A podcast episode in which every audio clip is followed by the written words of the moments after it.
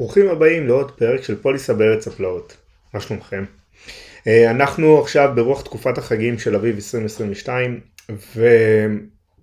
ולדעתי אין תקופה מתאימה יותר מלשלב את הנושא שלנו של ביטוח לתקופת חגים הזאת של... אה, ונפצח בשאלה מה משותף לפסח, ארנב הפסחא וביטוח. עכשיו נכון? פסחא ופסח, סבבה, יש לנו חופש, אה, יש אה, אה, ביצים של ביצי פסחא שמסתירים את זה והילדים קמים בבוקר לאלה שמכירים. ובפסח יש לנו גם משהו מוכר שנקרא אפיקומן. בדרך כלל זו פעילות מאוד מענה, הילדים מחכים לסוף הארוחה, בתקווה שכולנו, ומחפשים את האפיקומן, ויש ילד אחד שיזכה, או כמו שכבר אנחנו עשינו, כולם, והוא מוצא את האפיקומן ומקבל כמובן מתנה. עכשיו, אתם שואלים את עצמכם, אוקיי, אז מה הקשר באמת? אה, גם בביטוח יש לנו אפיקומן, וגם בביטוח יש לנו אה, אפיקומן, ביצי פסחא, זה Worldwide, אוקיי? זה קיים בכל אה, ענף ביטוחי אה, וגם בכל, ה, בכל העולם. אז אה, מה זה האפיקומן הזה בביטוח? אז לפני שניגע בזה, בואו רגע נפשט את זה קצת וניגע במוצר הזה שנקרא בעצם ביטוח. מוצר ביטוח אלמנטרי זה אותו מוצרים של רכב, של דירות, של עסקים, אה, מה שאנחנו מדברים עכשיו בפודקאסט עליו, זה, אלה מוצרים שאף אחד לא באמת רוצה לקנות אותם. יש את הקלישאה שאומרת, אף אחד לא קם בבוקר ואומר אני רוצה לקנות היום ביטוח. בניגוד ל אני רוצה לקנות מכנסיים, אני רוצה לקנות אה, אייפון חדש. לכן החלק שלי, לכן חלק מהאתגר שאני הצבתי לעצמי של לגבי המוצר הביטוח זה של כל הזמן לחשוב איך אפשר להנגיש את המוצר הביטוחי ליותר בעלי עסקים ויותר מזה בשפה פשוטה זה אה, כשאני מסתכל על זה אז אני רואה שני דברים שנמצאים במרכזו של האתגר הזה למעשה. קודם כל זה אופי המכירה של המוצר ומה המוצר עצמו, מה זה, מה זה מוצר ביטוחי בכלל. בבריאות אז אנחנו יכולים יותר להבין, אוקיי, זה משפיע על הבריאות, אנחנו רואים את זה כמעט ביום יום, אה, אפשר להבין את זה קצת יותר. אבל בביטוחי עסקים, רכב, דירות, הרבה פעמים הייתי נתקל במצב כזה שאומר, למה אני צריך את הביטוח? אני צריך אותו רק כי המשכיר בא ודורש את זה ממני. אם זה היה תלוי בי, לא הייתי עושה. כי אני מכיר את העסק שלי ואני לא צריך אה, אה, עכשיו עוד עלויות. כאשר כאן הרבה מהמבוטחים עצמם בסופו של דבר מבעלי העסקים לא באים ומסתכלים על היתרונות שיש לך בביטוח. חלילה נשרף העסק, יש לך עכשיו הוצאות לשיקום העסק מחדש. וזה לא, לא מה בכך, אנחנו יכולים להסתכל על זה רק כשחלילה קורה משהו.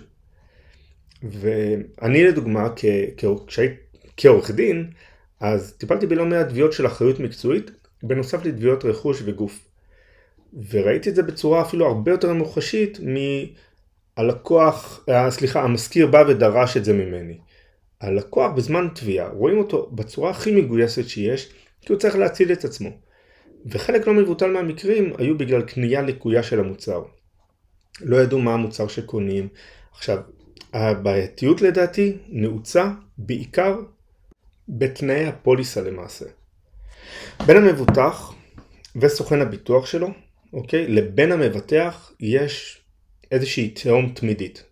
תהום שהיא בעיקר נעוצה על תהום של מידע. בין המבטח למבוטח וסוכן הביטוח שלו כמובן, ובין, והפוך, אוקיי, זה יחס דו-כיווני. תנאי הפוליסה הם סוג של חיבור ביניהם. עכשיו, מה זה אומר תהום של מידע? תהום של מידע של הלקוח לא תמיד יודע מה הוא צריך להעביר. הסוכן אין לו מספיק את הזמן לטפל בכל עסק ועסק. יש המון סוכני ביטוח שעושים את עבודתם נפלאה, אבל בסופו של דבר אנחנו יכולים לבוא ולשפר את זה קצת יותר, אנחנו צריכים לבוא ולהכיר את העסק שלנו קצת יותר, את העסק של המבוטח, להרחיב את, הש... את סט השאלות עבור אותו עסק. עכשיו, חברת הביטוח מהצד שלה גם צריכה לבצע דברים דומים. להבין טוב יותר את מהות העסק, מה הסיכונים שיש לעסק, איך צריך לנהל את הסיכון בצורה מיטבית יותר, איזה מידע אנחנו יודעים על סוג העסקים וכן הלאה וכן הלאה. לכן חברת הביטוח יחד עם הסוכן צריכים לעבור כאן כמובן לטובת הלקוח בצורה של צמצום הפערים האלה. עכשיו, התנאי הפוליסה כאן הם מרכיב דומיננטי ביותר, כי זה למעשה החוזה בין המבוטח, בין המבוטח, כן? לא עכשיו סוכן הביטוח, אבל כי בין המבוטח לבין חברת הביטוח. אני כעורך דין בא ואומר לי עכשיו יש לי אה, חוזה לשכירות, אני אבוא ואבדוק את החוזה הזה מלפני ומלפנים כדי לראות מה אני חייב, מה הזכויות שלי, מה המשכיר צריך לתת לי, או מה הסוחר במידת הצורך, אני אבדוק את זה. ועם מי אני אבדוק את זה? אני אבדוק את זה עם עורך דין. וכמו שעושים באמת עם סוכן ביטוח, כאשר באים לקנות ביטוח, עסק. אבל כאשר בונים לקנות ביטוח עסק, תעברו עם הסוכן על מה צריך, ואני תכף אגע בזה. עכשיו, כמו שאתם כבר בוודאי מבינים, תנאי הפוליסה, אוקיי, הם סוג של הפסח שלנו. מסודר, יפה, נקי, חגיגי, אבל בפנים יש המון המון חורים. ואת החורים האלה צריך לחפש. והחורים האלה הם האפיקומן. או בהגבלה לביצים. לביצי הפסחא, בכל זאת אנחנו אה, פוליסה בארץ הפלאות, אז יש לנו את הארנב. אז אלה למעשה האפיקומנים שיש לנו. עכשיו, צריך לתקן, לא רק שצריך, לפעמים אפילו חייב לתקן כל חור כזה עבור המבוטח. לא כל עסק, גם אם הטייטל שלו, הכותרת שלו, היא נראית אותו הדבר, זאת אומרת זה גם משרד עורכי דין וזה גם משרד רואי חשבון, עדיין יש לו ייחודיות. וצריך לפעול לכמה שיותר התאמה ביטוחית, כי בסופו של דבר אנחנו רוצים להגן על העסק כאן, שאם חלילה יקרה לו נזק, הוא ידע לקבל פיצוי, או אפילו, אפילו לא, אבל לפחות הלקוח עצמו ידע בסופו של דבר איזה מוצר יש לו ביד. ונחזור שנייה לשני הדברים שאני מצאתי במרכזו של אותו אתגר של להנגיש את הביטוח.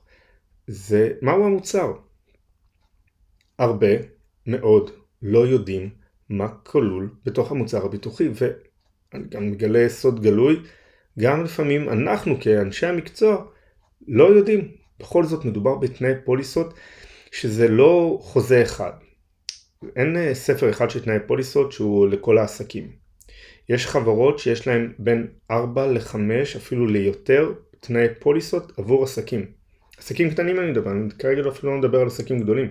עסקים גדולים יש איזושהי פוליסה אחת מרכזית, שגם אם קונים אותה לפעמים, זה עושה נזק לאותו עסק קטן. ראיתי את זה לא מעט, שקנו את אותה פוליסה גדולה מאוד, שבסופו של דבר לאותו משרד היא לא הייתה צריכה כזה דבר. וזה רק פגע בכיסוי שלה בשעת הנזק. עכשיו, בעולם אנחנו מדברים כמעט על אותו דבר. גם שם יש סוגי ביטוח שונים, סליחה, תנאי פוליסה שונים עבור אותו סוג עסק. וצריך להבין, צריך לראות ממש בתוך, על כל פסיק להבין מה, מה המשמעויות ואיך זה מתרגם לעסק שלי ואיך זה משפיע על העסק שלי. עכשיו, מה, אני אתן לכם דוגמה. הפוליסות עצמן, המבנה שלהם, מבנה חוזי כמו שאמרנו, בינכם לבין חברת הביטוח, ויש כל מיני סעיפים שמדברים, סעיפים כלליים שמדברים על סוג הכיסוי וכן הלאה, ויש גם סעיפי הרחבות. בפרקים הראשונים אתם תראו, אה, דיברתי על כל מיני סעיפי ההרחבות האלה, פריצה, רעידת אדמה וכו' וכו' וכו', אוקיי? עכשיו, בתוך סעיפי ההרחבות האלה יש לנו משפט בסדר? שמגדיר את הרכיב המסוים אה, לכיסוי, אבל בתוך אותו סעיף יש הסתייגות או צמצום שלו. דוגמה מאוד טובה לכך היא שבע זכוכית. ב- יש חברות, אני מדבר כרגע על הארץ, אבל אה, זה מאוד דומה ככה גם אה, באירופה, יש חברות שמכסות עד לדוגמה חמישה אחוז מסכום הביטוח לתכולה אה, לשבר זכוכית. ביטחתם 100 אלף, יש לכם כמה? 5,000 שקל כיסוי. עכשיו, אתם כמבוטחים צריכים לדעת את זה, כי אם העסק שלכם הוא עסק שכולו מורכב מזכוכיות, במיוחד בתנאי בנייה החדשים שיש היום, שאין כבר קירות, הרוב זה זכוכיות, צריך להבין האם יש לזה משמעות מבחינתי. 5,000 מספיק לי? לא מספיק לי, תורידו מזה גם את ההשתתפות העצמית, יכול לנוע בין 1,000, 2,000, 4,000 שקל, תלוי בסוג העסק, תלוי בסוג החברה. יש חברות שזה 10 אחוזים. מסעיף אחד של שבר זכוכית אנחנו רואים כמה בעיות הוא יוצר. אבל הבעיות האלה מניבות לנו שאלות שאנחנו יכולים להתמודד איתן. ברור לי שעל כל עסק זה מאוד מאוד קשה לעשות את זה. אבל ברגע שאתם בעלי עסקים תבינו רגע את הצורך שלכם, תבינו את הסוג בעייתיות שיש לפעמים בפוליסות, אז תוכלו ככה גם להצ... להרים דגלים אדומים לסוכן ביטוח ולהגיד לו תקשיב, יש לי, כל העסק שלי אה, בשבר זכוכית. ואז סוכן הביטוח ידע איך להתמודד מול חברת הביטוח, להגיד לה תקשיב אני צריך, אני צריך לעשות הרחבה כזו או אחרת ולהתאים את צורכי המבוטח לתנאי הפוליסה. עכשיו, זו רק עוד הרחבה אחת שיש לנו בתנאי הפוליסה. תנאי הפוליסה אנחנו מדברים בדרך כלל על 40, 60, לפעמים אפילו הרבה יותר עמודים שנוגעים בכל כיסוי וכיסוי. כיסוי צד שלישי, כיסוי חבות מעבידים, כיסוי סחורה בהעברה, כיסוי אש, אש מורחב שהוא חלק דומיננטי ביותר במערך הכיסויים שלכם ועבור העסק אתם צריכים לדאוג לו מאוד. הסחורה שלכם שם, העסק, מה, מפעל חי, החיים שלכם נמצא שם, תדאגו לו. והביטוח נועד בשביל זה. זה ביטוח הבריאות של העסק.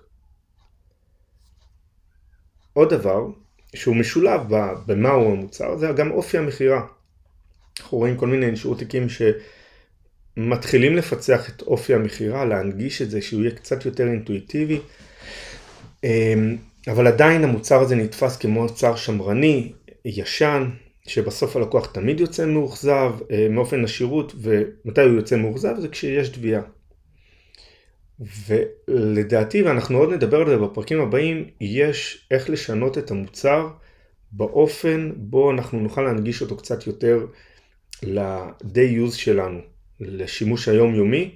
אה, חלק מאוד מרכזי מזה זה יש עכשיו אה, ענף נקרא לזה ביטוחי חדש של Embedded Insurance, ביטוח מוטמע, ולדעתי זה משהו שיכול להיות מאוד מאוד אה, טוב עבור בעלי עסקים ברגע שהם כחלק מתהליך קיים שלהם, יש להם ביטוח מוטמע שהם יכולים רגע להתייחס אליו, כמו לעוד רכישה של אה, מוצר כזה או אחר עבור העסק שלהם.